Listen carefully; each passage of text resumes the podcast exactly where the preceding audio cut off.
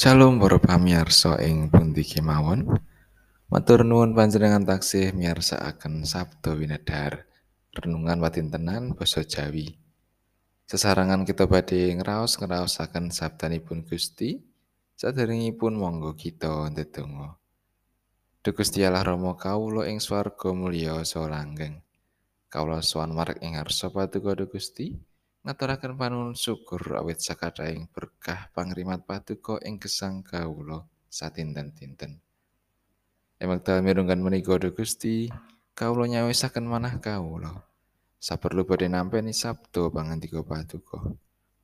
Mugi roh suci paring pepadang ing manah kawula.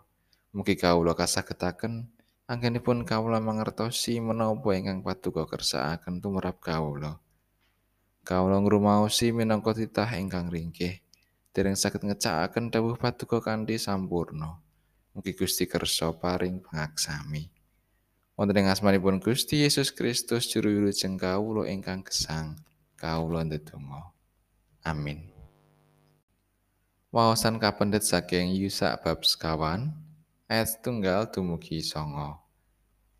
Bareng umat kabeh wis padha nyabrang ing pengawan Yarden, Pangeran Yewah tumuli ngandika marang Senopati Yusa mangkene. Sira mijia wong rolas saka bangsa iku, saben taler wong siji. Iku padha perintah ana mangkene. Padha njupuk watu rolas siji saka ing kene. Saka ing satengahe pengawan Yarden iki. Saka ing panggonan madege telapakane para imam. Padha usungan menyang ing sabrange pengawan. Nuli selehno ana ing papan kang bakal kok inepi mengko bengi. Sang Senopati Yusa banjur nimbali wong rolas, kang wis piniji saka ing antarane wong Israel saben taler wong siji. Iku padha didhawuhi mangkene. Padha nyabrango ing ngarepe pedine Sang Yewah, Gusti Allahmu ing satengahe pengawan Yarden. Banjur njupuk watu siji manut cacahe talere wong Israel. Supaya iku dadi pratandha ana ing satengahmu. Menawa anak-anakmu besok padha takon, Sela menika tegesipun kados pundi tumrap panjenengan? Kowe nuli padha kandha. Menawa banyune pengawan Yarden kapedhot ana ing ngarepe pedhi perstaning Yewah, nalika pedhi iku nyabrang ing pengawan Yarden, banyune pengawan iku tumuli kapedhot. Mulane watu-watu iki padha dadi pangeling-eling marang wong Israel ing salawase. Wong Israel tumuli padha nglakoni sadawe sang Sinapati Yusa. Padha ngusung watu saka ing satengah bengawan Yarden kaya kang wis dadi dawuh Pangeran Yewah marang Sang Sinopati Yusa minurut cacahe talere wong Israel banjur padha diusungi menyang ing sabrange bengawan menyang ing papan panginepan lan diselehake ana ing kono. Apa maneh Sang Sinopati Yusa banjur ngategake watu rolas ana ing satengah kali Yarden ing tilas papan tumapake telapakane para imam kang ngusung peti prastian. Watu-watu mau isi tetep ana ing kono nganti tumeka saiki. Makatan pangandikanipun Gusti ayat nat sing ayat 6. Supaya iku dadi pratandha ana ing satengahmu. Menawa anak-anakmu besok padha takon, "Sela menika tegesipun kados pundi tumrap panjenengan?" Pak, kula ajeng tanglet. Ember biru wonten ing wingking menika kok mboten pikantuk dipun pindah. Radi wedi penulis ajeng matur bapakipun bab ember biru sekawit penulis kelas 3 SD dumugi kuliah sampun diwekas.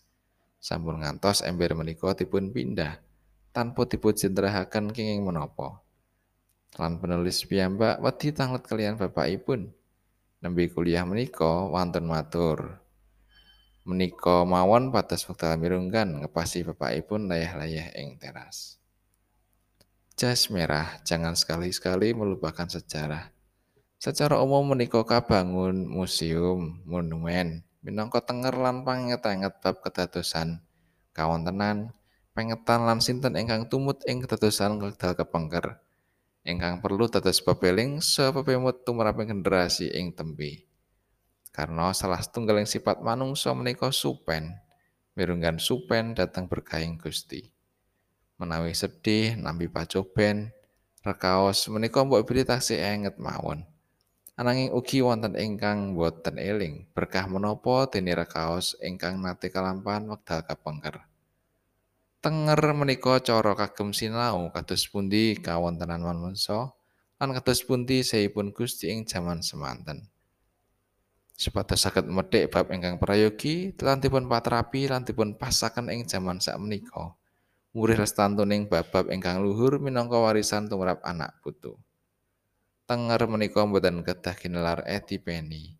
Ingkang prasaja ugi saged kados Sinopati Yusak dawuh mendhet kalih sela ingkang dados alas para imam anggenipun jumeneng ing tengah bengawan Yarden kanthi ngasta pedhi prasetyan nalika umatipun Gusti sami nyebrang Sela menika dados pangeling-eling ing tembe kados pundi Yewah bikak bengawan Yarden supados umat Israel saged nglangkungi tanpa kerem lan milujeng Apa tenger kita kangge ngenget seipun Gusti. Amin